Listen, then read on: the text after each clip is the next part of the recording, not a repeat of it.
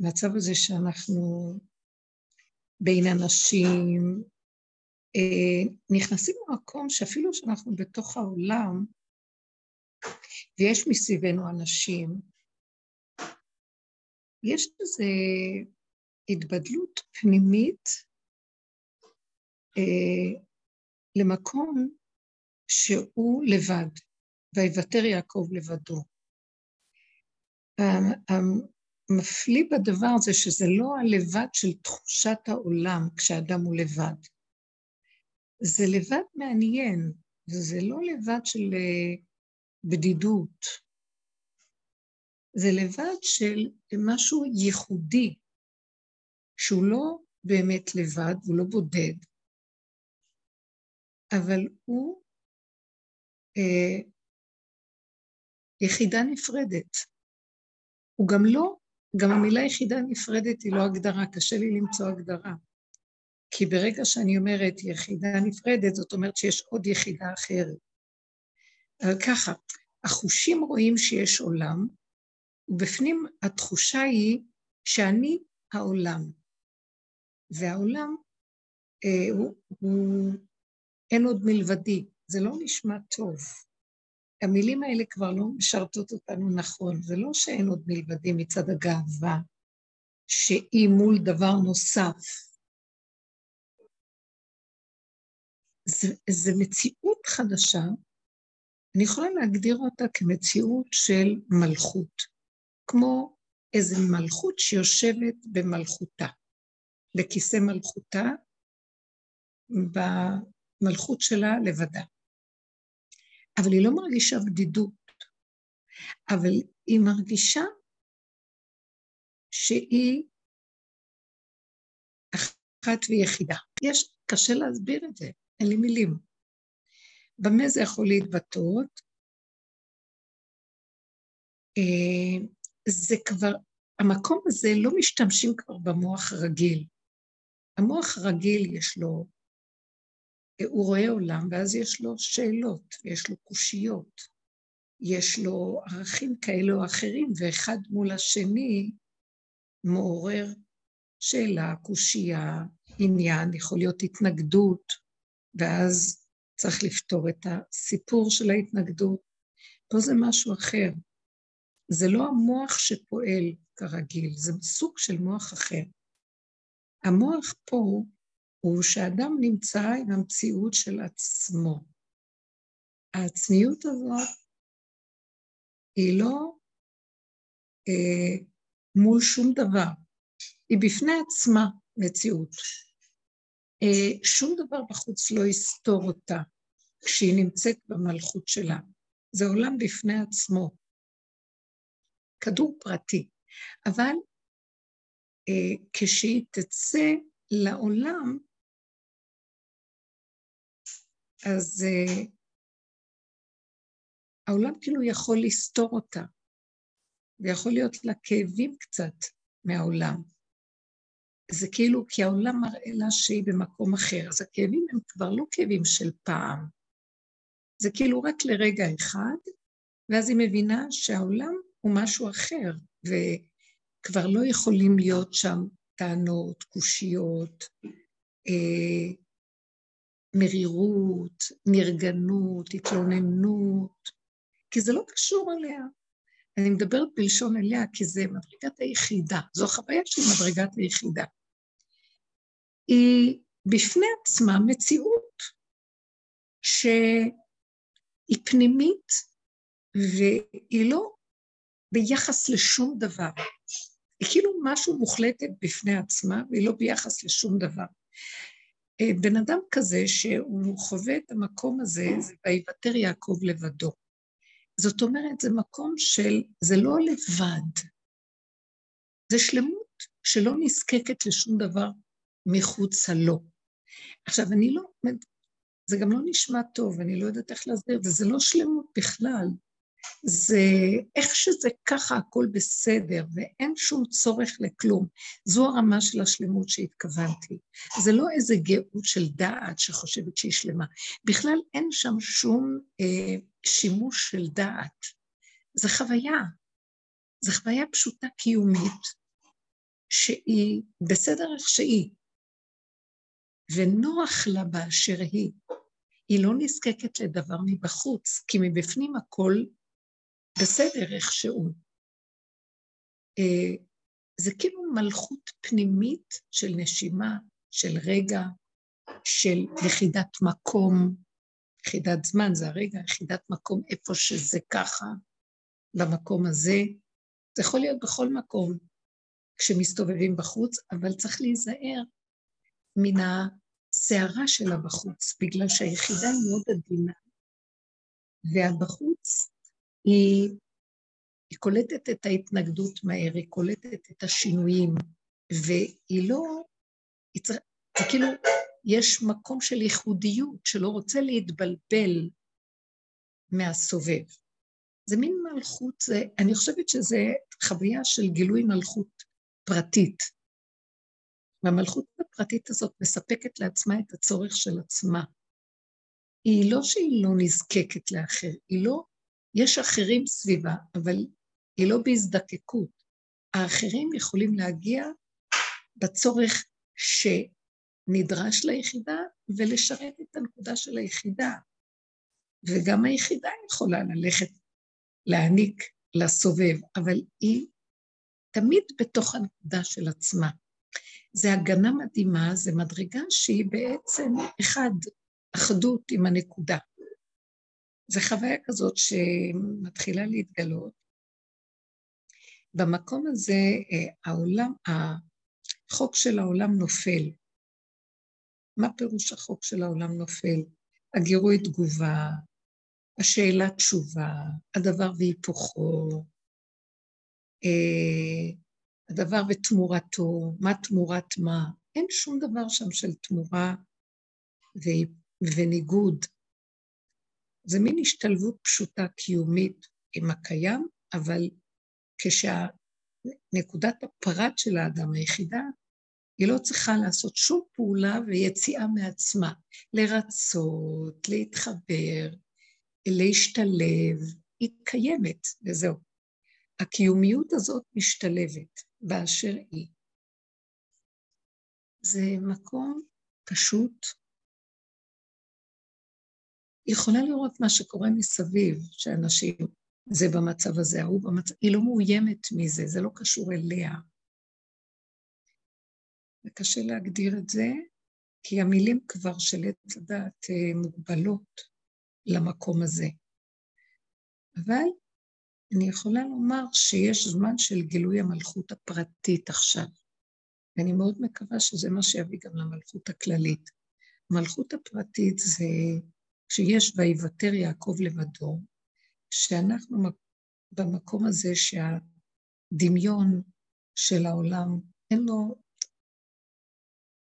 הוא לא משמעותי כבר, אין לי טענה על העולם, אין לנו כאן במקום הזה שאלות למה, אין מרירות, יש ככה. אסור לשאול למה במקום הזה. למה לא הלך? למה לא הסתדר? אסור להכניס את המוח הזה במקום הזה. זה, כי המקום הזה הוא ככה. הוא קונקרטי, הוא מעשי, הוא מציאותי, הוא, חי... הוא חווייתי, הוא מציאותי עכשווי. ככה זה וזהו זה. אין לשאול למה. אין אה, לתת הגדרה. נפלנו, קמנו. הנפילה והקימה זה אותו דבר, זה לא משנה. הכוונה משמעות. יש תנועה של ירידה או עלייה, אבל זה לא משנה. שני המקומות טובים, הכל בסדר.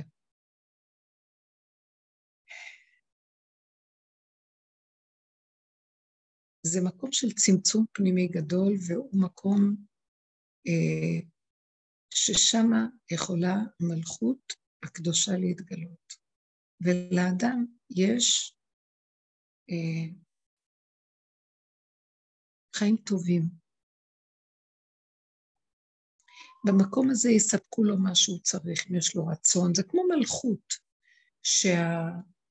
שהמשרתים את המלכות מספקים למלכות את צרכיה ורצונה, אבל פה זה לא מלכות של... אה, שמשעבדת את הסובב. או שרודה בהם חלילה. הבריאה מסדרת את החסר, את מה שצריך. והחסר הזה הוא לא שלילי. שימו לב, אנחנו מגיעים למקום הזה רק דרך העבודה שעשינו בדרך, שהיא השיא של התכלית של העבודה הזאת, היא להודות באמת. שאנחנו קוראים לזה להודות בפגם. למה לקחנו את המילה פגם? כי, כי להודות בחיובי יותר קל, להודות בשלילי הוא הכי קשה. להודות בשלילה של הדבר, זה ההוכחה שאני מסכים עם הכל ומשלים. כי להודות בחיובי זה עדיין לא הוכחה. אבל להודות בשלילי, מה שהעולם קורא לו שלילי. בוא נגיד, אמונה. אדם חושב שיש לו אמונה. כן, הוא קורא איזה דבר, והוא אומר, אני מאמין שיש השם, אני מאמין שאם אם אני אעשה כך וכך, אז ייתנו לי כך וכך. אני מאמין. בעבודה שאנחנו עובדים, שהיא גילוי האמת, איך אנחנו משיגים את האמת. דבר ראשון, אנחנו חייבים אה, להודות בשלילה שלנו, לשלול את החיוביות. כלומר, אני צריך לומר, אני לא מאמין. אני מודה שאני חושב שאני מאמין, כשזה לא בא במחיצתי, הניסיון הזה כרגע. אבל לו יצויר שמה שנראה לי כשאני קורא את הדבר, אני אני מאמין. אני מאמין. אה, אה, בוא נגיד איזה גדר של אמונה. אני מאמין בטוב, אני מאמין בשני, אני מאמין אז האמונה שלנו, כשאנחנו מדברים בעולם של, של התרבות העולמית, העולם שלנו הוא דיבורים, הכל דיבורים. המושגים השתרשו של אמונה, של טוב, של אהבה, של יראה. זה לא נכון. אנחנו לא באמת באמונה, אנחנו לא באמת ביראה, אנחנו לא באמת באהבה. אנחנו גילינו בעבודה שראינו שאנחנו באהבה, שתלויה בדבר. בטל דבר, בטל אהבה. אנחנו אוהבים רק בתנאי ש... או אנחנו יראים את השם. אין לי יראה באמת אם הדבר יסתור את האינטרס שלי היצרי, אז היצריות תתגבר. אה, אין לי באמת אחדות. נראה לי אני מאוד באחדות. האחדות היא במחשבה, היראה היא במחשבה, האהבה היא במחשבה, הערכים במחשבה. כשבא רגע של ניסיון, רגע, אז כשהם במחשבה אני יכול להגיד הם חיוביים, וכן, יש לי. כשבא רגע של ניסיון, לפעמים יכול להיות שזה עוד יהיה טוב, אבל יהיה הרבה פעמים שזה לא יהיה. אז אם כן, אין לי. הניסיון השלילי בזמן הניסיון, שזה לא הולך לי, אז זה האמת שלי יותר מה שכאשר זה החיובי. עכשיו, זה מאיים עליי, ואני מנסה לדחוק את זה, כי אני למה זה מאיים עליי? למה זה מבהיל אותי? למה אני מנסה לדחוק את המצב הזה שאני לא מה... שאני פתאום מגלה שאני לא במקום הזה, אני כל הזמן רוצה לחזור לדמיון שאני כן חושב שיש לי את מדרגת האמונה, מדרגת האהבה, מדרגת היראה, ואני מאוד מזועזע אם יש לי נפילה, יש לי צער מזה. כל העבודה הגדולה שעשינו על מנת להגיע למה שאני התחלתי לתאר היחידה, היא פשוט להודות בלא. אין לי. אין לי. אין לי קניין. אין לי בעלות.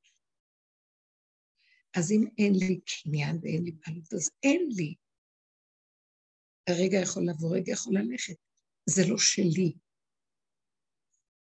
אין לי שליטה על זה, אין לי קניין. אז עכשיו, ברגע שאין לי, למה אני מאוים שאין לי? למה אני מבוהל? אם אני מזיז את הבהלה ואת המאוימות, וזאת אומרת, מה זה מזיז? אי אפשר להזיז, אבל אפשר לעבור תהליכים, שזה עבודה שעשינו לקראת הסוף. שלהסכים לגמרי שאני לא. כשאדם מסכים והוא נכנס למקום של הוא עם עצמו מול המאוימות והוא נלחם בה. המאבק של יעקב אבינו עם שרו של עשיו זה זה. שרו של עשיו זה הדמיון של הגדלות שאנחנו מטפחים. יש לו הרבה דרגות. בדרגה הרוחנית אנחנו מאוימים מהאלוקות, ואנחנו מסדרים למקום גבוה, והיא בשמיים, והיא כוח, והיא... חלילה, אנחנו לא אומרים שהיא מלאך, אבל אנחנו יכולים לתת לה כוח כאילו היא מלאך, ואנחנו מפחדים ממנה. אנחנו מפחדים מהכוחות. מלאכים זה כוחות. המלאכים הם ממונים. הם נבראו ביום השני של הבריאה, והם ממונים על הבריאה. כמו שהאדם ממונה פה על הארץ. אז בשמיים יש ממונים במלאכים. הממונים הם נבראו ביום שני. הממונה על הארץ זה האדם. היצור שנקרא אדם שממונה על כל החיות והעופות והרמסים והשקצים. הוא נברא ביום השישי. האדם שנברא ביום השישי הוא אדם, יצור בריאה, מעולה יותר מאדם ש... מהמלאך שנברא ביום השני, שזה יצורי, היצורים השמימיים. ביסוד הראשוני של בריאתו, הוא חייב להיות בעצם זה שרודה בכל, כמו שכתוב פרשת ראשית, אה, פרו ורבו, מילאו את הארץ, ורדו בה, גם המילוי של הארץ והרדייה בה, היא בעצם בסופו של דבר משפיעה על השמיים. כי כשהאדם הנעלה הזה, שהוא ביום השישי, נברא בסוף, הוא כולל בתוכו גם את היום ראשון, גם את היום השני, גם את השלישי, הרביעי, החמישי והשישי. זאת אומרת, הוא כולל את השמיים גם, ואת הארץ. הוא כולל את המלאכים והנבראים של השמיים. ומי הם במצב שלו? זה האור האלוקי של השכל שיש בו, שכל שהוא יכול להגיע למדרגות גבוהות של חשיבה. המלאך נקרא שכלי הנבדל, שהוא נבדל, אין לו גוף של אדם. לאדם יש גוף, אבל יש לו דעת שיכולה להיות גבוהה מאוד, וגם מהסוג של המלאכים, ואפילו יותר, סוגים הכי גבוהים של מלאכים. מלאכים יש להם מדרגות שונות. האדם יכול להיות בו את כל סוגי, אה, גם ביום שני נבראו, ביום רביעי נבראו כל כוכבי השמיים וגרמי השמיים, מבחינת השמש והירח וכוכבי הלכת השונים. ביום שלישי נבראו הצמחים והעצים, באדם יש את כוח הצומח. היום החמישי נבראו העופות ודגי הים, יש את כל זה בתוך האדם. ביום השישי נבראו החיות, ויש את כל זה באדם. וגם בשעה האחרונה, כשהוא נברא, קיבל חוץ מכל הכוחות של כל הבריאה שהייתה עוד מקודם, בתוכו, היסודות שיש להם, דומם צומח חי, כוח המדבר. נשמה קדושה שהשם שם בו, ויפח בו נשמת חיים. נשמה אלוקית, שאין אותה לשום יצורים נבראים בשאר המדרגות. הנשמה הזאת, בתוך אדם הראשון שהוא נברא, הייתה אמורה לעשות תיקון לכל המציאות של כל העולמות, שבעצם ירדו איתו למציאות בגן עדן, האורגנית, אבל בדרגה אחרת לפני החטא. אז ניתנה לו נשמה כזאת וכוח כזה שהוא בעצם שורר על הכל, כולל כוחות השמיים. המלאכים שראו אותו רצו להגיד לפניו שירה, כאילו הוא הקדוש ברוך הוא. ככה אומר המדרש. ואז האדם הראשון אמר להם, וכן החיות וכל הבריאה. ואז האדם הראשון אמר להם, אני גם כן נברא, אבל אני נברא שביחד איתכם נמליך את השם עלינו, זאת אומרת, תפקידו של האדם הראשון היה להראות לכל הנבראים שיש בורא אחד לכולם, הוא הקדוש ברוך הוא, ושהם כולם יכירו שאין עוד מלבדו. הוא היה זה שהיה אמור להסביר את זה לכולם, להראות את זה לכולם דרך ההנהגה שלו, בדרך הדעת הקדושה העליונה ביותר שניתנה לו. האלוקות השתתפה בתוכו, באלוקות שלה, מה שבמלאך, המלאך מקבל רק שליחות לרגע, אבל מצד עצמו אין לו אלוקות, הוא נברא. וכשסוגדים למלאכים זה נקרא עבודה זרה. אז שימו לב, עוד פעם נחזור.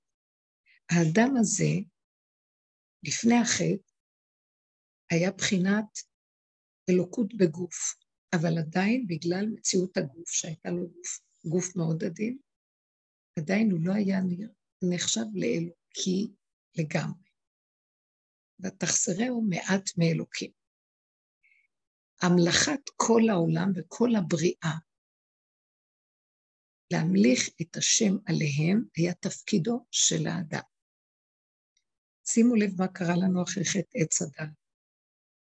חושך ירד לעולם, האדם איבד את המדרגה הזאת, אה, נכנס בו פחד, חרדה, עלה נידף, מבהיל אותו, נכנס בו דמיון של עץ הדעת. זה כאילו כף הדמיון. עכשיו, ברמה הזאת, הוא חשוך. אז הוא מפחד. הוא מפחד מכל דבר. ברמה הזאת, המלאכים נראים לו אלוקים. הוא מתחיל לעבוד את המלאכים, מפחד מהם. המלאכים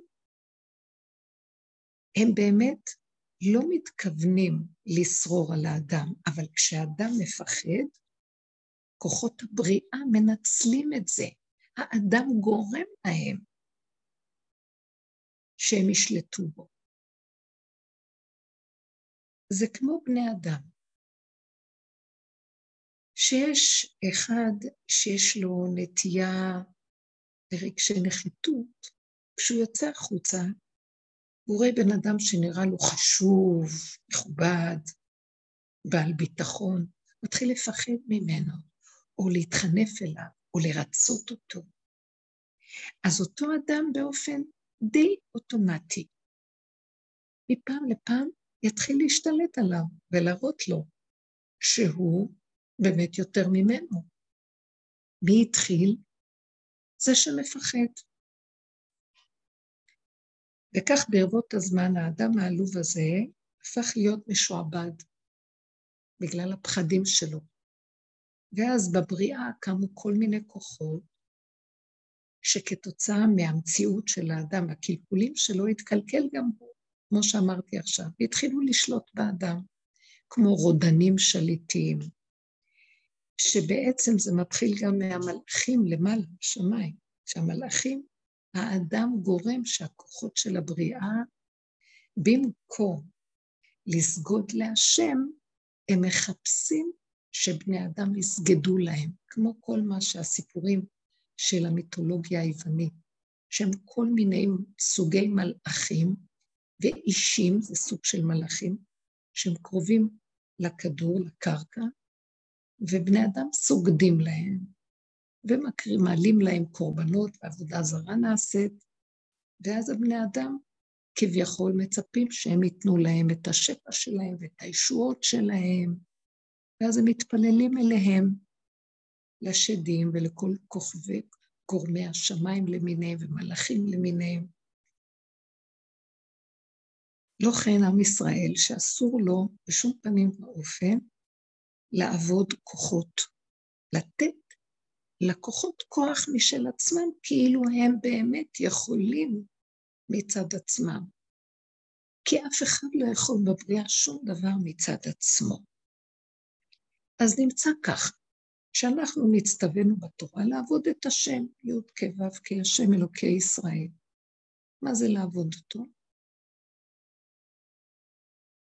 א', לא לפחד משום דבר בבריאה שמפרידה אותו מהמציאות וגונבת לו את הכוחות. כי ברגע שאנחנו סוגדים לכוחות, אנחנו בעצם מורדים בחיות האלוקית.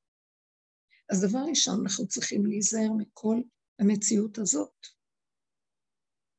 כשאנחנו מפחדים, זה כל מצוות לא תעשה, כל הדינים וההגדרות שאנחנו, מה שנקרא יראה, שמור וזכור, מה שנקרא שמירה, לשמור. אנחנו מצטווים להיזהר ברמה הזאת של שמור, אנחנו מצטווים להיזהר מהדמיון שלנו שנותן כוח למציאות החיצונית של העולם ומשליטה אותו עלינו. מה זה זכור? זה פשוט ברמה שאנחנו מאמינים שיש השם, אז לפעול למענו. כלומר, לעשות חסד למען השם, לקיים מצוות למען השם, אה, זה מה שנקרא בין אדם למקום, וכל מיני מצוות עשה למיניהם. בואו ניקח את הצד השני של מצוות לא תעשה. אני מחייבת, נכנסת פה לקצת נקודה כדי להסביר את מה שרציתי להגיד בהתחלה, מה שאמרתי בהתחלה. כשאנחנו מגיעים, קודם כל, מבינים שעיקרו של היהודי זה השמירה מכל נדנוד וצורה של דעת שסוגדת לכוחות.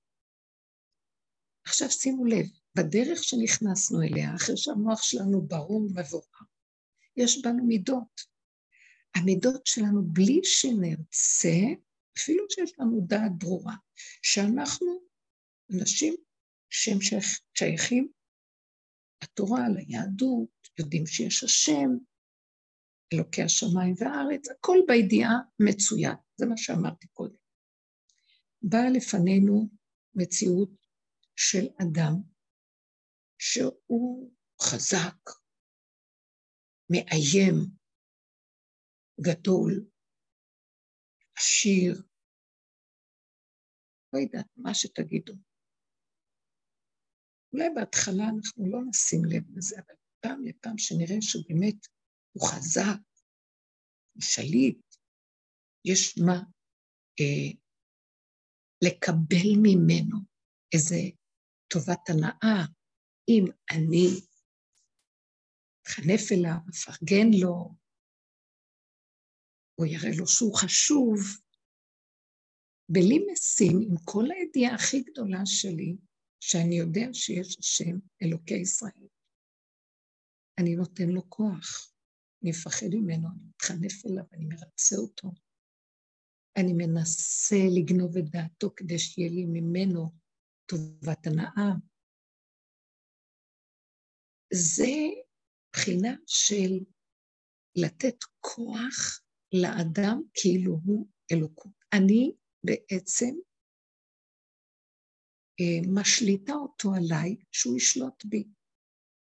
המילה אלוקים מופיעה בתורה שאלוהים, יותר נכון, שזה נקרא דיינים, שהם קיבלו כוח שהם יכולים לשלוט באדם, כי יש להם את התוכנית הנכונה של החוקים, שיעשה אותם האדם וחי בהם, אז החשיבות שלהם גדולה ונקראים אלוהים, כן? והגישו אל האלוהים, מה שנקרא, שעבד רוצה להיות, אה, בתורה יש פרשה של עבדים, כי תקנה עבד עברי, ואז כשהוא מחליט, הוא הולך למכור את עצמו כי אין לו כסף, אז הוא מחליט למכור את עצמו לעבודה, יש גם דינים שלמים של זה, אז האדון שלו, זה שקונה אותו, לוקח אותו לבית הדין ורוצע את אוזנו. שם לו איזה מין חישוק כזה, והגישו אל האלוהים, כך כתוב. אז הדיינים נחשבים, למה הם נחשבים? כי צריך לפחד מהם, כי לא בגלל שהם בני אדם, בגלל שבידיהם החוק, כמו שאנחנו להבדיל אלפי הבדלות, מפחדים מהמשטרה, מפחדים מהשב"כ, או כל מיני, כי יש להם את השררה של החוק, אה, על מנת לשמר את האדם שלא יפרוץ את הגדר ויחטא בתורה, להבדיל אלפי הבדלות, ועל ידי זה אה, יסרח ויקבל עונש וגם אה, מה שנקרא יזיק לעצמו. אז הדיינים יש להם כוח. עכשיו, האדם הזה, זה, זה לא שהם אלוהים, אבל יש להם כוח, זה נקרא מלשון חשיבות. עכשיו, האדם הזה שהמליך, מה שאמרנו קודם, את העשיר עליו ואת הבעל כוח, בעל שררה, הוא בעצם נותן לו כוח, מתחנף אליו כדי לקבל ממנו איזה טובת הנאה. זה סוג של עבודה של כוחות. במידות שלנו אנחנו יכולים ליפול ולעבוד כוחות. ושמנו את הפנס בדרך שנכנסנו אליו, על הדבר הזה. כל היום רק שמנו את הפנס על הפחדים שלנו מפני אדם, על הכעסים שלנו מהם, על הקנאה שלנו מהם, על צרות העין, וניתחנו מאיפה זה בא. יש לנו פחד. היסוד של כל המציאות הזאת היא פחד. הפחד הזה זה הדמיון שגורם שאנחנו נשתעבד למציאות סביבנו. עכשיו, בעבודה שעשינו, אנחנו לקחנו עבודה אחרת מה שכל הדורות. כל הדורות עבדו לברר את הדעת ולהבדיל את הטמא מן הטהור, ואת העבודות הזרות השונות מהשם אלוקי ישראל, וללמוד את התורה ולשנן אותה, ואת החוקים ואת הדינים, ולדעת מה לעשות. זה בדעת, כל הדורות בררו ועשו לפי הדעת. אנחנו קיבלנו דרך שהיא פתחה לנו מצב חדש. השבה אל הלב, אמרו לנו, קחו את הדעת, ואם אתם חושבים שאתם יודעים ואתם חיובים, יש לכם אמונה, יש לכם יראה, אתם באמת עובדים את השם, אתם באמת לא נותנים לכוחות שום ממשות, רק להשם אלוקי ישראל. בואו נראה לכם מי אתם באמת. ואז שמנו את הפנס בפנים, והתחלנו לראות. בשבת ישבו כאן ודיברו, אז מישהו יקריא איזה קטע מהרמב"ן עליו השלום, מהמפרשים של התורה, מפרש של הרבה דברים אחרים. ואז באמצע, אה, אני לא יכולתי להקשיב, והפרעתי להם. הם נורא מפחדים לדבר לידי כבר. לא, הם לא מפחדים, אבל הפרעתי להם. ואז אמרתי, הרמב"ן דיבר דבר, הוא דיבר לפני הרבה הרבה שנים. גם כשהוא מדבר את הדבר, ואנחנו מתקבים בלשון, הוא דיבר על אמונה, ביטחון שיש לאדם, אמונה וכן הלאה. ואז אני אומרת, אני חולקת בגלל שבאמת באמת אין לי אמונה ואין לי ביטחון בכלום. אני רוצה להישאר במקום, באמת לאמיתה. אני לא רוצה לחזור על כל הדבר תורה שאמרו.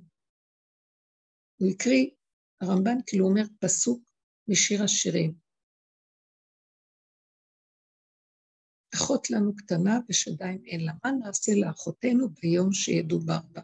זאת אומרת, הוא רוצה לומר, אנחנו צריכים שיהיה לנו אמונה וביטחון, כי יבוא יום פקודה.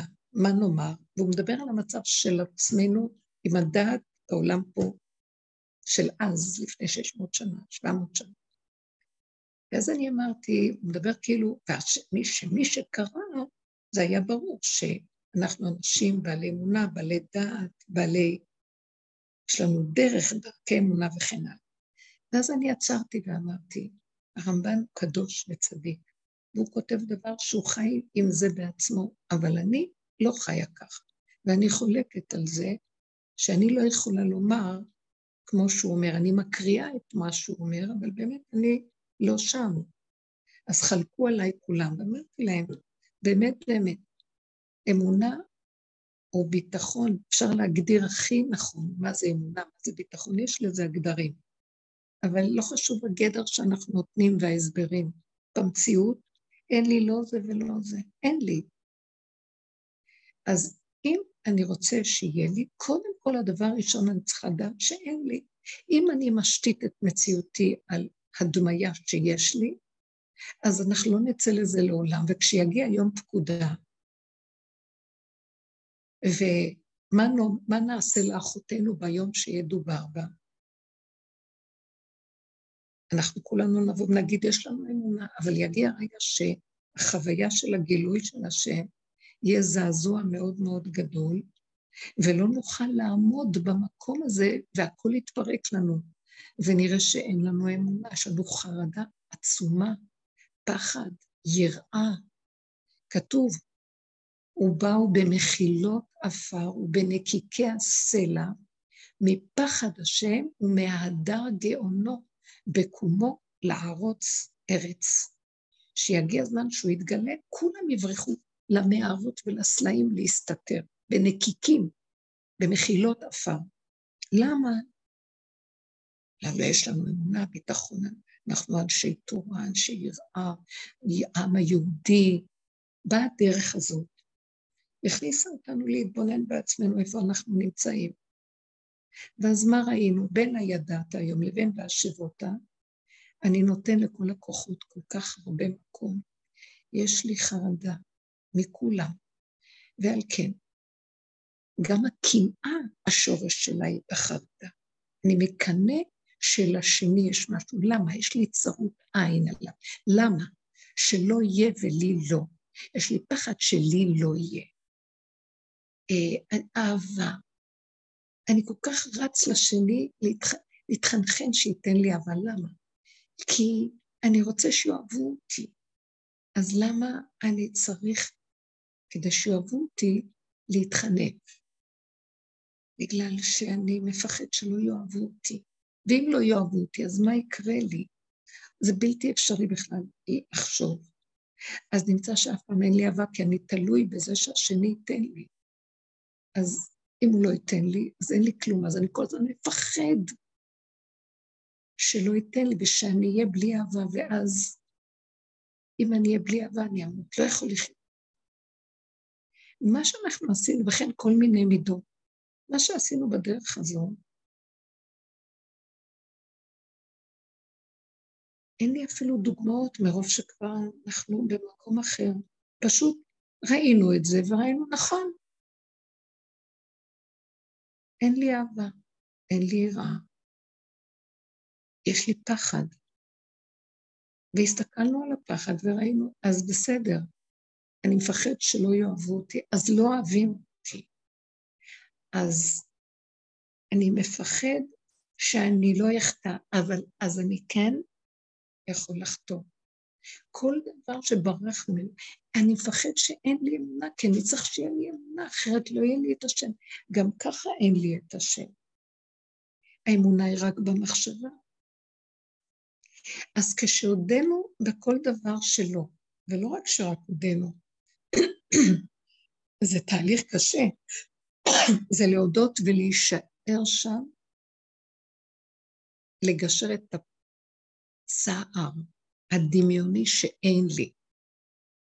והחולשה של העבודה הקשה הזאת בנפש, שהיא שוחקת את הדמיון ואת הגאווה של האדם, הכריעה אותנו והביאה אותנו להכיר את הגבול. אין לי כוח להילחם, אין לי כוח לעבוד על עצמי, אין לי כוח להמשיך לרצות, אין לי כוח להמשיך, אין לי כוח לחרדה. אז אני יודע שהיא קיימת, אבל אני, אני לא מוכן לעורר אותה כל פעם שהיא תעמוד מול הדבר. אין לי כוח אליה. היא חזקה עליי. אני מעלה אותה ואני אומרת לשם, אני לא יכול יותר. פה אני חייב להכיר אותו. שרו של עשיו מסמל את היסוד של הגדלות המפלצתית שיצור בבריאה קיבל כוח שסוגדים לו. הוא השתמש בכוח עשיו, כוח הזרוע, כוח הישות, הגאווה, האלימות, השליטה, ממון, והוא רדה באנשים, וכולם פחדו ממנו. אז הוא יצר את שרו בשמיים גם כן. הוא הזין את הכוח שממנו הוא קיבל כביכול כוח. הוא שיעבד את הכוח אליו, והכוח שיעבד אותו גם. השרו של עשיו נלחם עם יעקב אבינו. יעקב נפגש איתו. כשהוא עובר את הירדן, מעבר היבוק, להיכנס לארץ ישראל, הוא חזר לקחת כמה כלים שהוא שכב, ובמעבר היבוק, בגבול, בגבול בין תודעת העולם חוץ לארץ, שזה עץ הדת וכל השקר שלו, של החיובי, שיש לי, יש לי, יש לי, יש לי, לבין הכניסה לארץ ישראל, שהיא בעצם הגבול שאדם לא יכול להיכנס למדרגה הפנימית הזאת, שזה שם גילוי שכינה, זה ארץ של שכינה, זה גם ארץ פנימית בתוך מציאות האדם, מקום כזה, קרקע פנימית, של לא יכולים להיכנס ולעבור אליה לכיוון של שכינה, גילוי שכינה, אם לא נהיה בגבול ונודה בכלום, ובלי שיוורון ובלי מאוימות. וזה מה שנקרא להישאר לבד. זה בסדר. במקום הזה, הגבול הזה, אם אנחנו מגשרים, המקום הזה מתחיל להתגלות בו היחידה, הברכה והקדושה, שזה ראשי תיבות יבוק. ייחוד השם, ברכה, קדושה. מה פירוש הדבר? האדם כבר במקום הזה לא פועל בשיטה של העולם. הוא כבר לא חושב בשיטה של העולם, מתחיל להתגלות לו לאט לאט מצב אחר. בגלל שהוא גבולי ואין לו כוחות, נופלים לו הכוחות, הוא לא יכול לעבוד כוחות. כשיעקב אבינו עומד בגבול הזה, והוא רואה את האין אונים שלו, אבל זה לא אין אונים של מסכנות, שישר הוא רוצה להלביש את זה על איזה כוח שיחזיר לו את האונות, אלא זה מין אונות שהוא מסכים, הוא הסכים, הוא מסכים לגבול שלו, הוא מסכים שהוא לבדו בעולמו, הוא מסכים שהוא לא מציאות בכלל. הוא בעצם, ברגע הזה שהוא הסכים, הוא פירק את כל חטא עץ הדעת, ואפשר לעצמו לחזור למדרגת אדם הראשון לפני החטא, כדי ששכינה תתגלה אליו. כי אדם הראשון לפני החטא, שכינה הייתה מתהלכת איתו בגן, גלוי. אז ברגע שהוא הסכים שהוא לא, הסכים לשלול את דמיונו החיובי, בזה תודעת עץ הדת מתפרקת לו. ואז כשהיא מתפרקת, הוא כבר לא מאוים. כי, כי הוא לא מציאות, אין לו, מה אכפת לו? לא אכפת לו כלום, אין לו ערך כלום. אז אין לו ערך, לא משנה לו. הוא לא יכול לעשות כלום.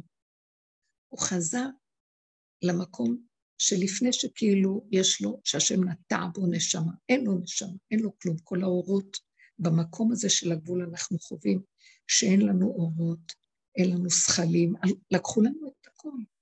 דעת שלנו נגמרת, כוחות נגמרים, השכלים נגמרים. אה, אנחנו לא כלום. אם אנחנו נשברים מזה, וזה מקום מאוד מאוד חשוב, שאסור לנו לפתוח במקום הזה את המוח לעולם, כי נשבר, ואין לי כוח להישבר מהעולם, אין לי כוח להכיל שום סבל ושבירה. אז אני נשארת בדלת אמות האלה של הגולם הזה, ומסכימה, כי אין לי ברירה. ומה שהכי חשוב לי פה זה להישאר במתיקות ורגיעות. מה אכפת לגולם הזה? לא כואב לו, אין לו צער, אין לו חסר, אין לו כלום, ככה הוא. אם אני במקום הזה, אותו כוח שסגדתי לו ייפול גם אצל השני. המלאך, שרו של עשיו, איבד את כוחו באותו רגע גם. כי מהמקום של עץ הדת אנחנו נותנים את הכוח לזה שמולנו, וזה הזנה של מעגל שלא יוצאים ממנו. וברגע שאני עומד בגבול הזה, כל מה שאני פחדתי ממנו ונתתי לו כוח עליי, הממון למשל, הדמויות, המציאות הסובבת, התפקידים, נופל. ומה נשאר? לא משנה כלום. זה שמולי, ששלט בי, גם כן לא יהיה לו כוח יותר. הכסף שרדה בי, יאבד את משמעותו. המציאות של הדמויות והעולם הגדול והמפחיד פתאום יראה אין כלום. אין לזה ממשות. אם אנחנו מתמידים למקום הזה לעמוד, וזה זה לא ברגע אחד, זה רצו ושוב עדיין, אבל זה המקום שאנחנו מתחילים גם לקבל אה, הבזקים מתודעת היחידה, כמו שהתחלתי את השיחה הזאת. שהבן אדם נשאר במקום שאין לו שאלות. גם הוא, יש רגע שיכול פתאום להתלונן על משהו שלא הולך לו, אז פתאום הגבוליות מחזירה אותו. לא לשאול, לא להתלונן, לא להתמרמר, לא לחשוב למה ואבל ואולי, הכל חוזר מהר לגבול, וזה בסדר איך שזה. הוא מתחיל להיכנס למלכות פנימית, עצמית, שהיא לא תלויה בכלום מסביב.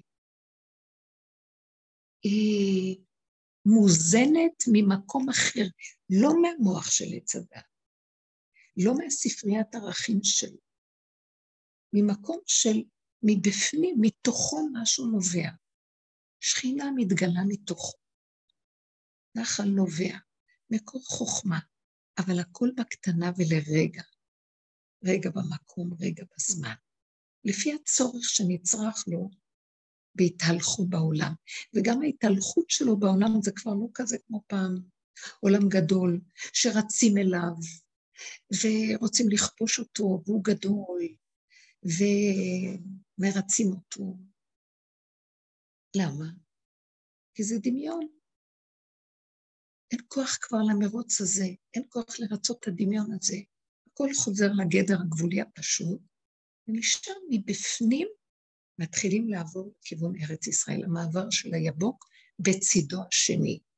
אחד זה מול חו"ל, מול תודעת עץ הדת, וכשאנחנו עומדים בגבול ומסכימים הכל, והכי הסכמה הכי גדולה היא לא לפחד מהשלילה, להסכים לה. זה לא קל, קל לדבר. זה התהליכים של רצון ושוב להסכים. להסכים. להסכים. אנחנו מאבדים את המשמעות. מה זאת אומרת? אנחנו יכולים להיות בעולם, אבל אנחנו מאוד אמיתיים עם עצמנו בעולם, והגבול שלנו מדבר. הגבול הזה מוליך אותנו, והיחידה רק בגבול יכולה להיות. אין לה, היחידה היא כל רגע גבול חדש. כל רגע, כל רגע, כל רגע היא מתחדשת. היא ייחודית, היא לא יכולה להיות שתיים, שני רגעים, שלוש. היא מתחדשת ועוד פעם ומתחדשת ועוד פעם ומתחדשת ועוד פעם, אז לכן היא תמיד גבולית, היא בגבול של האחד, כי אין שתיים, שלוש, ארבע והתרחבות, אז היא תמיד בגבול. הגבול הזה, הוא פועל בשבילנו, הוא מסדר את הכול. אפשר לבן אדם, אפילו לרגע, אה, להרים קול, ולרגע לעשות דבר שאפילו לא מה שמובן אצל השני. יכול לעורר תרעומת, אבל זה רק לרגע. אחר כך הכל דועך, וזה בסדר. וה... ונכיר שגם הרמת הקול וגם הדבר שלא מובן, זה פעל לטובה בסובב. זה הגילוי של השכינה שפועלת דרכנו לסדר את עולמה. אז אנחנו הופכים להיות כלים גבוליים שדרכנו היחידה, שזה השכינה, יחידה תמה ונקייה, מתגלה. חיות אנרגטית דקה ועדינה, שהיא לא סובלת את הכוחנות, הישות, וכל תכונות הטבע באשר הן זה בסדר, זה בסדר שזה ככה. אין טענה עליהם, אין רצון לשנות אותם. יכול להיות רגע של פחד שם, אבל הפחד שם הוא לא פחד של אה, חרדה ואימה, זה יראת רוממות, זה פחד ורחב לבבי. מההתפעמות, זה משהו אחר, זה פחד מסוג אחר. זה לא הפחד של הנורא שמשתק את האדם. זה השתתפות עם האלוקות, יראת הרוממות. אחדות עם החיות האנרגטית החדשה הזאת, היא מדהימה. אבל זה כרגע שבבים כאלה שמגיעים אלינו.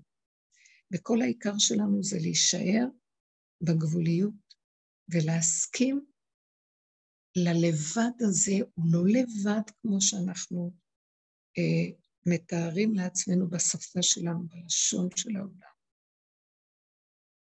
זה זה לבד לא של עץ הדעת. זה, בוא נגיד, בדד יש בהם את האותיות של הבית והדלת, בד בבד. זה חיבור עם האנרגיה האלוקית החדשה שמתגלה. אז אין בדידות ואין אה, תחושה של לבד בעולמי. אני עולם בפני עצמו. זה משהו יפה ומיוחד. אם אני אתן שם למוח של העולם לגלוש החוצה, אני אכנס לחרדה. מה אני? לבד? מה אני? או ביקורת, או שיפוטיות. אני רוצה להגיד לכם שהגבול מאוד מאוד יעזור לנו להפסיק עם המוח של הדת, שהוא לא יגלוש לנו החוצה. הוא מאוד מאוד עוזר שנהיה מרוכזים עם הרגע. כבר אנחנו חווים את זה, אבל הולך ומתעצם. אז זה מה שנקרא, ויוותר יעקב לבדו, במקום הזה שהוא לבדו, המלאך, הכוח שאנחנו נותנים לכל, לכל הדמיון האלוקי, כל הכוחות של הטבע מסביב, דמויות של אנשים, אה, מתחיל ליפול. גם הם מאבדים את הכוח, כי אנחנו לא מזינים להם את זה, ואז האדם הזה גורם שהעולם מתחיל להכיר שיש השם, שהם לא בפני עצמם יכולים לשלוט ולרדות באנשים על ידי כוח שליטה ממון, או איזה כוח שמפחיד. והאדם הזה, ש... הסכים לרדת לגבול הזה ולהיות פה ולהישאר בשלילה ולא להיות מאוים ממנה, כי אין אפשרות אחרת, כי אין לו בחירה וברירה, ולהסכים ולהתחבר כמו תינוק שאין לו מודעות, רק מה שהוא עם עצמו, האדם הזה הופך להיות יסוד שדרכו אלוקות מתגלה. על זה אומר לו המלאך, השם קורא לו, לא יקרא שמך עוד יעקב, מלשון עקב וקטן, עקום, עקוב, אלא ישראל ישר, שיש בו אלוקות, כל, ישראל. ומי עוד קורא לו את זה? כל הבריאה שנתנו לה כוח, הם הם שייתנו בחזרה את הכוח הזה לאותו אדם. זאת אומרת, זה שפחדתי ממנו, וזה ש... שהסכמתי שאני מפחדת, הסכמתי שאני כסילה, שאני מוכרת את עצמי בעבור חניפות, בעבור שייתנו לי אהבה, או כל ערך אחר. כשהסכמתי וראיתי את העלבון הזה, הסכמתי להסתכל בו ולהודות בו, ולא להישבר, שאני אשאר לבד בעולמי, שלא יאהבו אותי, שאני אהיה אה, חסרה. אותו אחד שעבדתי מולו, או כל השיטה שמסביב, כולם יחזרו ויקראו לי, את בת כל חי. הם יראו שיש נוקות בתוך האדם הזה, והם ממנו ילמדו להתחבר לאלוקות. ולא שהאדם הזה יצטרך שייתנו לו איזה שם או יחזיקו ממנו. זה כבר לא משנה, אבל כולם יכירו את השם בזכות האדם הזה. הבריאה תקרא לו ישראל. הבריאה שקודם הוא סגד לה, תתחיל להכיר את הכוח האלוקי שבתוכו. לא צריכים לסגוד לבני אדם, אבל צריך לסגוד להשם, לחיות האלוקית. מה פירוש לסגוד להשם? זה ערך פנימי שקט, עדין, של הכרה של אין עוד מלבדו.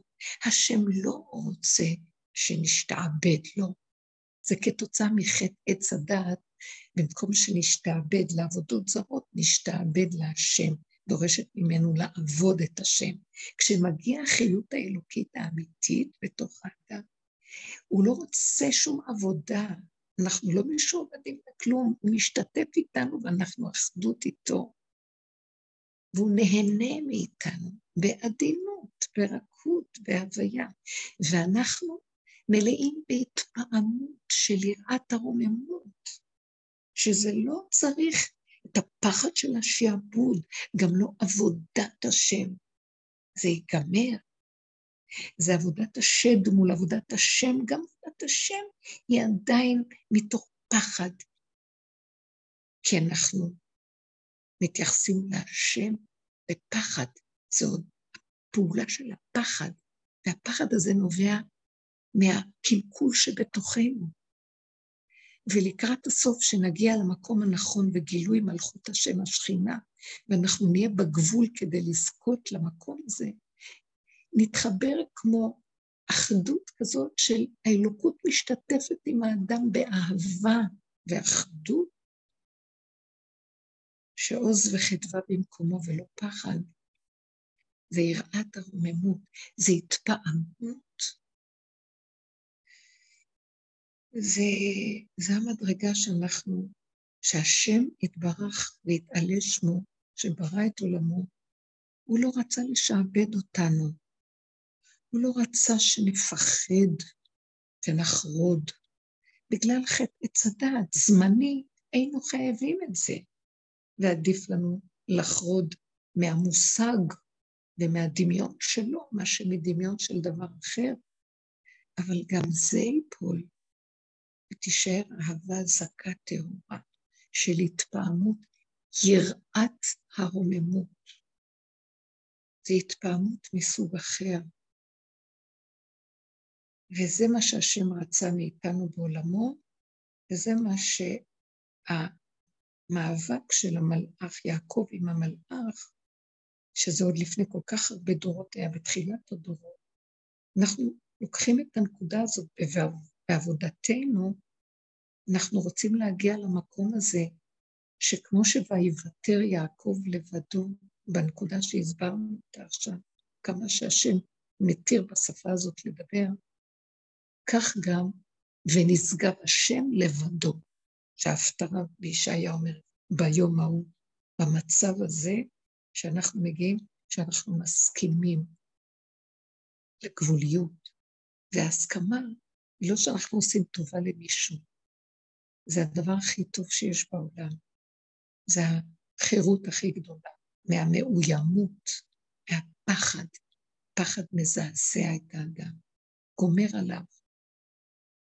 ואנחנו רוצים לקחת את הפחד המאיים הזה ולהפוך אותו ליראת הרוממות.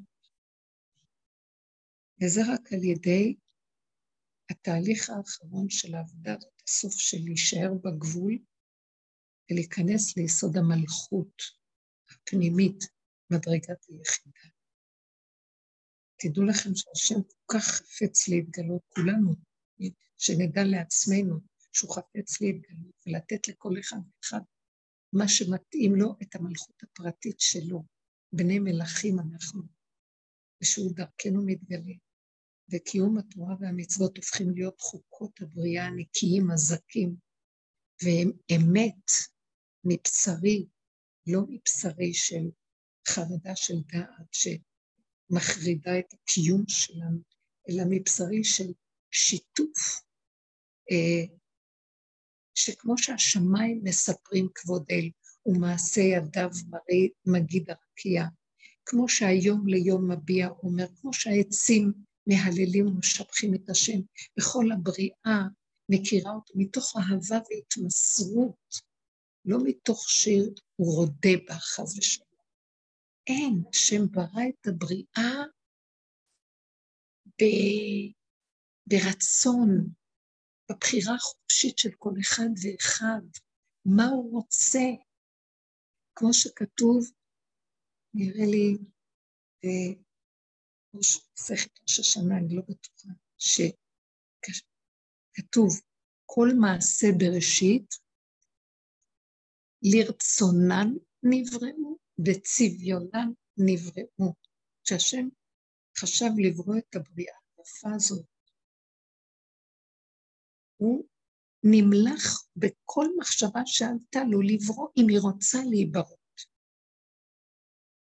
את העצים, את הצמחים, לפני שהם נבראו, אתם רוצים להיברות? רוצים להתגלם ולהתגשם? וגם השאלה השנייה שלו הייתה, באיזה צורה אתם רוצים? מה טוב לכם? מה נעים לכם? כל אחד בבחירתו ורצונו. צריך להבין את זה, זה הכל כלי בתוך המוח האלוקי, אפשר להבין את זה. וכך הוא ברא את עולמו, והכל התקלקל על ידי גנבת הכוחות של הדמיון. כל העבודה שאנחנו עושים זה לפרק את הדמיון, לנגוע בגבול, ולהסכים לזה איך שזה ככה, בצמצום הנכון, כי במקום של איך זה ככה ובגבול, אי אפשר לחיות בתרבות של העולם. אי אפשר. אבל מה שכן אפשר זה להיות בעולם, וכל רגע שאני בעולם להתייחס לאותו רגע כאילו זה כל העולם שלי ואין לי יותר כלום, בכל פעולה שנעשה. בדיבור שלנו עם השני יש רק רגע אחד. בפעולה שלי עם ילד, או עם התעסקות עם אדם, או איזה מעשה שאני עושה, שאני לא אהיה עם מוח שגונב אותי למעלה ומרחף אותי, שיש עוד מיליון דברים לעשות, ואז אני בלחץ, ואת זה אני עושה מתוך שיש לי עוד אלף דברים בראש לעשות, אלא יהיה לי רק זה, כדור משלי, במה, ארץ שאני דורך עליה, והיא רק שלי ברגע הזה. והשיחה שלי עם האיש הזה זה רק הרגע הזה, אין לי יותר כלום בעולמי. והפעולה שלי שאני עושה באותו רגע, היא רק הפעולה הזאת ואין שום דבר אחר בעולמי. באופן הזה אנחנו נחיה בעולם, שהוא העולם המוכר, אבל רק לרגע, ובאותו מקום, בצמצום הקטן, זה מלכות. אין פחד, אין ריבוי, אין עוד אפשרויות, אין ביקורת, אין שיפוטיות, אין לחץ. אין שעבוד, אין להשתעבד לכוחות כי הכל קטן כאן ועכשיו, ומתחדש. ושלום, נגמר שלום, סיטואציה אחרת. ברמה הזאת נמשיך לחיות. אבל מובן מאליו שהעולם יהפך להיות יותר מצומצם וקטן ועדין וממוקד ומרוכז ושלב ורגוע ומתוק. ומה חסר לנו שם? כלום חסר דבר במלכות הזאת? זה המקום שאנחנו מתחילים להיכנס אליו. שימו לב, אנחנו לא יכולים לסבול יותר בגבול את הריבוי הזה, את סערת העולם. אסור לעשות אחד ועוד אחד. אסור גם לתת לזה משמעות בפרשנות ולהישבר מכלום, או להתרחב על הדמיון החיובי, הסיפוקים והריגושים. זה התחדשות ופעימה אחת, פעימה אחת, וכל פעימה היא חיה בפני עצמה. מדרגת היחידה, גילוי שכינה. אם יש לכם משהו לשאול, אני אשמח, אבל רק שנייה אחת, אני חוזרת.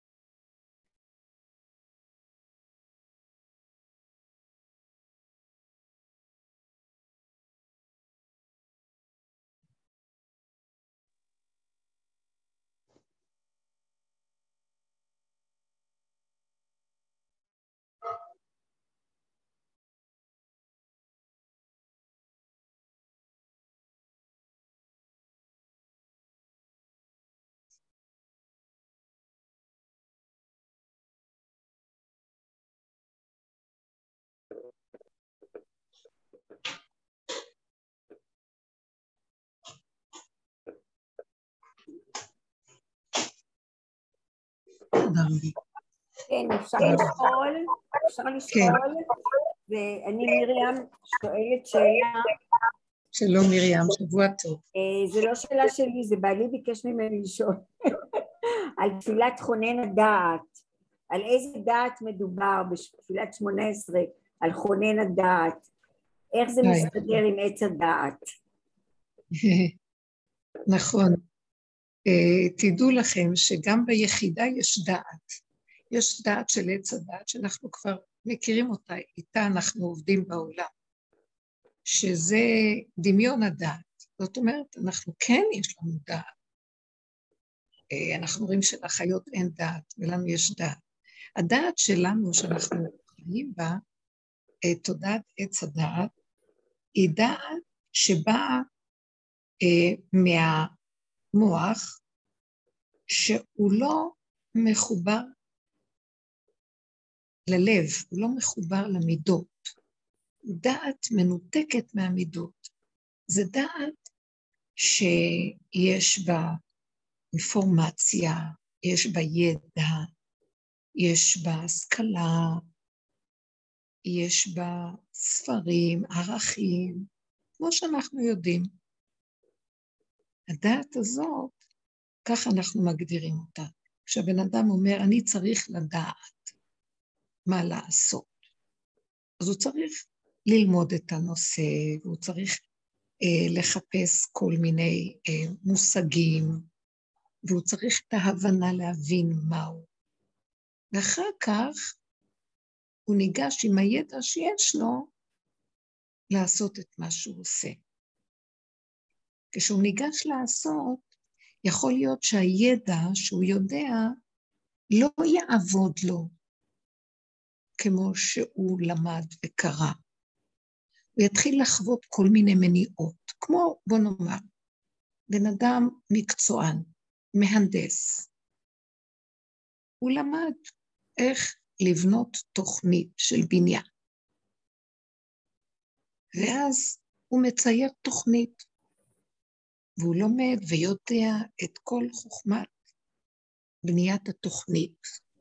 עכשיו הוא בא, לוקח את התוכנית, והוא יורד לשטח, או שהוא נותן אותה לפועלים שצריכים לרדת לשטח, מנהל עבודה, כל מיני פועלים, ואז הם מתחילים, מסתכלים על המפה ומתחילים לעבוד בשטח. הזמן שהם עובדים בשטח הוא לא כמו שזה במפה. יש תוכנית במפה, אבל בשטח מתגלים הרבה מצבים שיכול להיות שהמפה לא לקחה את זה בחשבון. אה, כל מיני דברים שבקרקע מתגלים, אה, משהו בתוכנית לא בדיוק התאים אה, לשטח הטופוגרפי או לתוכנית הכללית, ואז יש עליה התנגדות. מצב האקלים משתנה, ויכול להיות שהתוכנית לא מתאימה בדיוק ויכול להיות שאנשים שפועלים כדי לקיים את התוכנית, הם לא בדיוק יכולים לקיים אותה אה, מפאת החיסרון שלהם, הם לא מספיק אה, חזקים, יכולים לעשות את הדברים. זה ברור שאחר כך מנסים להתגבר, להיות כן יכולים, אבל הידע, כשהבאנו אותו, הוא לא מיד בשטח פועל. זאת אומרת, תודעת עץ הדת היא נפרדת מהמציאות. היא דעת, ואחר כך יש את המקום של הפעולות שצריכים לעשות. הדעת חייבת להשתלשל עוד מדרגות על מנת שהיא תוכל לצאת לפועל. וכשאנחנו מבקשים מהשם שייתן לנו, ואנחנו מבקשים בתפילה, תכונן לאדם דעת, נותן לאנוש בנחות, וכוננו מאיתך חוכמה, בינה יש כאן שלושה דברים, יש כאן חוכמה, יש בינה ויש כאן דעת. החוכמה, אני לא רוצה להיכנס מדי, אבל תמיד התשובות שלי הן יותר עמוקות. החוכמה היא היסוד הראשוני של ההבזק, הרעיון הראשוני. הבינה זה שאנחנו לוקחים את הרעיון הזה ומפתחים אותו, ועושים ממנו הרבה אה, היבטים. והדעת היא מחברת את הרגע הראשוני ואת ההיבטים. ואז יש משהו יותר ברור, פורמטיבי, ידעני, מסודר, שאנחנו יודעים כתוצאה משתי הכוחות האלה. חוץ מזה צריך לקחת את כל החוכמה, בינה ודעת ולשלשל את זה למידות. אז אנחנו אומרים שהדעת היא החלקים העליונים האלה. כשאנחנו מבקשים ש... שהשם יכון אותנו, אז אנחנו מבקשים שייתן לנו את הדעת איך לפעול בדברים, מה אנחנו צריכים לעשות יותר. אבל כשמגיע הזמן של העשייה, זה לא מספיק הדעת הזאת. אז כשאנחנו מבקשים, בשלושת הברכות הראשונות, אנחנו מבקשים את הבסיס של הקיום שלנו, שהוא ייתן לנו את הבסיס של החוכמה והבינה והדעת. אבל באמת באמת זה לא מספיק. עובדה שיש אחר כך עוד ברכות אחרי כן. נכון? שאנחנו עוד אומרים אחרי זה, שיסלח לנו כי חטאנו, שייתן לנו רפואה, וכן כל שאר, שישיב אותנו ויקבץ את נידחינו, וכן כל מיני ברכות, שאנחנו בעצם יורדים ומשתלשלים למידות, וגם שם אנחנו אה, מבקשים בקשות. לא מספיק לנו שייתן לנו רק דעת. אז תודה, עץ הדעת היא חסרה, וכתוצאה מזה, גם מה שתיקנו לנו החכמים, שאנחנו בעצם, עם ישראל, מתקן את הבריאה, את החטא של עץ הדעת. אז החכמים תיקנו לנו את הברכות ואת כל הכלים ואת כל מה שאנחנו צריכים לעשות כדי בתהליך של התיקון לתקן. כלומר, אנחנו מודים בשבירה שקיימת ואנחנו על ידי הברכות מתקנים. אז מודים שאנחנו בעצם שבורים בין הדעת לבין המידות, יש שבירה, ואנחנו מבקשים דעת כדי לפחות להתחיל לעבוד. ואחר כך גם נבקש על המידות, זה בתפילות האלה. אמ, רגע, רגע. אה. כשאנחנו רוצים, באמת, כשאנחנו מדברים על המקום שאנחנו מדברים ממנו, שהיום דיברתי, הדעת היא לא מופיעה מהמוח כמו שאנחנו צריכים בתודעת עץ הדת וכמו שאנחנו מתפללים. שהוא יכול אותנו דעת, זה כבר הופך להיות משהו אחר. שהדת מופיעה מבשרי.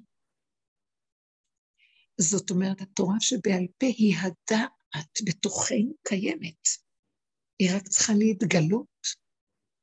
כשהאדם מגיע לגבול שלו, מהמקום הזה הכל יוצא ממנו. הכל. ברגע אחד הוא יכול לקבל בדיוק את מה שהוא צריך לעשות, בלי המוח האינפורמטיבי ובלי בלי הצורה שאנחנו רגילים אליה היום. זה אותם יסודות, אבל הם לא מופיעים מהמוח של עץ הדת, הם מופיעים מהבשר של האדם. הם לא מעץ הדת, הם מעץ החיים שנמצא בשורש של האדם. אז גם שם יש דעת, כמו שכתוב, והאדם ידע את חווה. הידיעה שלו את חווה לא הייתה ידיעה שכלית של למידה ואינפורמציה, זו הייתה חוויה חושית. זה שעה של זיווג וידיעה חושית של חיבור, התחברות עם הדבר והתאחדות איתו מצד היחידה של הדבר. ולזה התכוונתי שאנחנו נכנסים למקום של החיבור עם היחידה. אין לנו שם בדידות. אנחנו יחידה, יחידי בעולם. יחידי שיש בו את הכל, עוד פעם הכל מחדש. מתוכו הכל נובע. זאת אומרת, במקום הזה אנחנו לא אה, נתפלל את התפילות האלה. תפילת שמונה עשרה, היא כבר ת, תקבל צורה אחרת. התפילה תתחיל לבוא מכיוון אחר.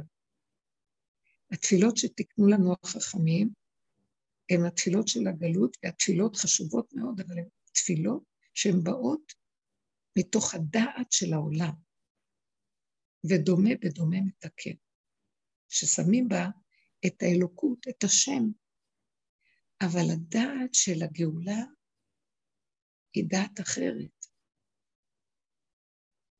היא הדעת שאמרתי קודם, הכל מביע את עצמו מתוכו, השמיים מביעים את עצמם, מספרים כבוד כן. החי הדומם, צומח. גם המדבר ידבר מבשרו כמו נבואה. זה לא מתוך דעתו של דעת שנותנים לו את השכל מה לעשות.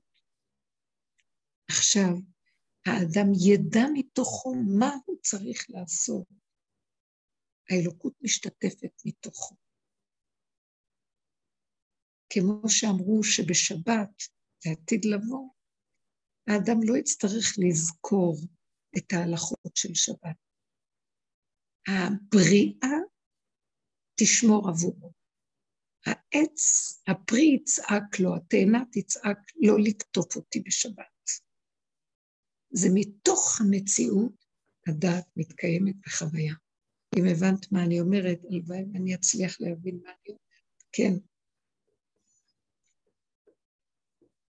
מרים. כן, תודה, אני הבנתי ואני אעביר הלאה. תודה רבה. אני מההתחלה הבנתי, אבל לא ידעתי להסביר את זה כמו שאת מסבירה. כן, אנחנו עדיין מתפללים. כשאני מתפללת 18, אה, שהשם נותן לי את הרגע של הרצון הזה, וזה עובד, אז אני מבקשת את זה לפי המדרגה שלי, שתכון אותי בדעת של האמת. וכוננו כן. מאיתך חוכמה של אמת, שהיא נחל נובע, מקור חוכמה מבפנים. כן. בינה שהיא היסוד הפנימי של השמיעת הלב, הלב שומע, לב מבין, לב, לב, לא מוח. ושייתן לי את הדעת מבשרי לדעת לחוות את הדבר באחדות איתו.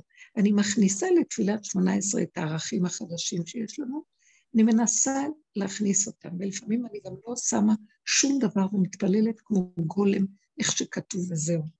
טוב. תודה, תודה. אז זאת בעצם, אז הרבנית, זאת בעצם ידיעה שקטה, שאין בה את הבלגן של עץ הדעת, כי זו ידיעה מהבשר. ממש, ממש. גם כל המילים והנוסחים השתנו, זה יהיה אחר. זה, זה, או שאנחנו נאמר אותם והם ישר יתיישבו לנו במקום הזה של הבשר. גם לא נוכל לומר, סלח לנו אבינו כי חטאנו, מחול לנו מלכנו כי פשענו.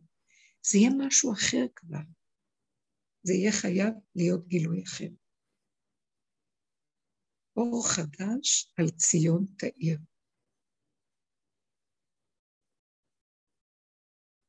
יש עוד משהו ששואלים,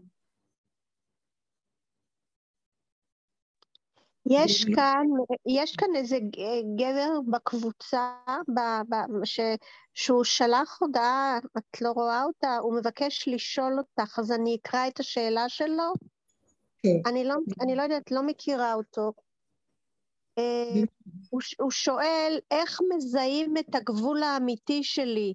דרך הכאב שלי, דרך הדמיון שלי? בבקשה להעביר לרבנית, אני לא יכול לפתוח רמקול, תודה. איך, איך האדם מכיר את גבולו? תדעו לכם, זו שאלה מאוד טובה. כי בדעת מאוד קשה להכיר את הגבול, כי הדעת מרחיבה לנו את הגבול כל הזמן. האדם נדמה לו שהוא יכול עוד ועוד ועוד.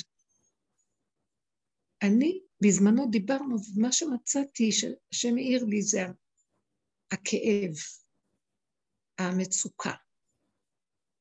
היא, אם אני מעריך את הכאב שלי, מעריך, נותן לו ערך, אני לא מזלזל בו, אני לא דורך עליו, אני מחשיב אותו, מקבל אותו, נכנע לו, מסכים איתו, הוא עוצר אותי. הכאב הזה הוא, הוא, הוא שליח אלוקי, הוא לא להרגיז אותי, הוא לעצור אותי. אז השם שלח קודם איתותים נוספים, אבל אני מרדן, אני עיקש, המוח גונב אותי, ואני עף באוויר, וזה שטח רחב, והאוויר זה יסוד הרוח. אז הגבול, קשה שם שיש שם גבול, אין גבול לשמיים. אבל, קש, אז אני לא מקשיב לאיתותים של השם. אז הוא חייב להפעיל את הכאב, הכאב הנפשי החזק, או הכאב הפיזי, עד שהאדם ייכנע, או אז ייכנע לבבו הערל.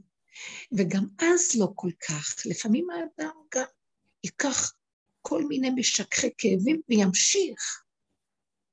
אבל אם האדם, וזה דבר שעבדנו איתו, שם את הברומטר ומודד את המצוקות, וכבר במעלה הראשונה. הוא אומר, לא, לא, לא, מספיק. הוא לא מנסה את עצמו, וזה מאוד קשה, בייחוד שאנחנו, אגיד לכם את האמת, מעצמי אני יודעת. אני אה, אדם שיש לו דעת חזקה, ולהגיע לעבודה שאנחנו עובדים זה, זה, זה, זה חורבן, פירוק נוראי. ואני לא ידעתי אף פעם איך אני אדע את הגבול, אני כל כך מבינה את השאלה הזאת. ואז מה שעשיתי הוא שאני אף פעם לא יכולה לדעת, אז אני אעשה עוד פעם ועוד פעם ועוד פעם ועוד פעם, עד שאני אתרסק, אז אני אדע. שמתם לב? כי הדעת לא נותנת לי אפשרות להפסיק. אז הגוף יראה לי. וזה אכזרי, אבל לא ידעתי איך להפסיק. כי האמונה בדעת שלי, במרחב האווירי הגדול שלי, האמונה כביכול. נתתי לזה כוח, לא, לא, לא הביא אותי לגבול. אבל השם אוהב אותנו. ושוב פעם, מה שעזר לי מאוד, זה אף פעם אני לא ידע איפה הגבול עד שאני לא חוטפת את המכה. עכשיו, מרוב מכות האדם כבר מפחד. או אז נכנע לבבו הערל, גם כן לא כל כך פשוט, אבל לפחות הוא מתחיל לפחד, והוא נעצר. ואז מתחילה העבודה הנפלאה הזאת לפעול. הוא שם ברומטר, ולאט לאט, לאט לאט, לאט לאט, המעלה הראשונה של הכאב הוא כבר אומר די, ולא תמיד, עדיין, זה רצו ושוב. אבל דעו לכם, תכבדו את הכאב, תכבדו את המצוקה ואל תתגרו בהם. זה השם שולח לנו איתות. עצור. אדם לא אמור לסבול. אדם לא אמור להיות כאוב. אדם בעולמו של השם אמור להיות בתענוג, בשמחה, בחיות. אז תתענג על השם. והרכבתיך על במותי הארץ, ואכלתיך נחלת יעקב אביך. כי פי השם דיבר. השם לא רוצה שנצטער ונעמול, הוא רוצה שנתענג עליו, שנגיד וזה יהיה. פי השם מדבר. הוא אמר ויהי. ברוך שאמר והיה עולם. ככה האדם יגיע למקום שהדיבור יעשה את הפעולה.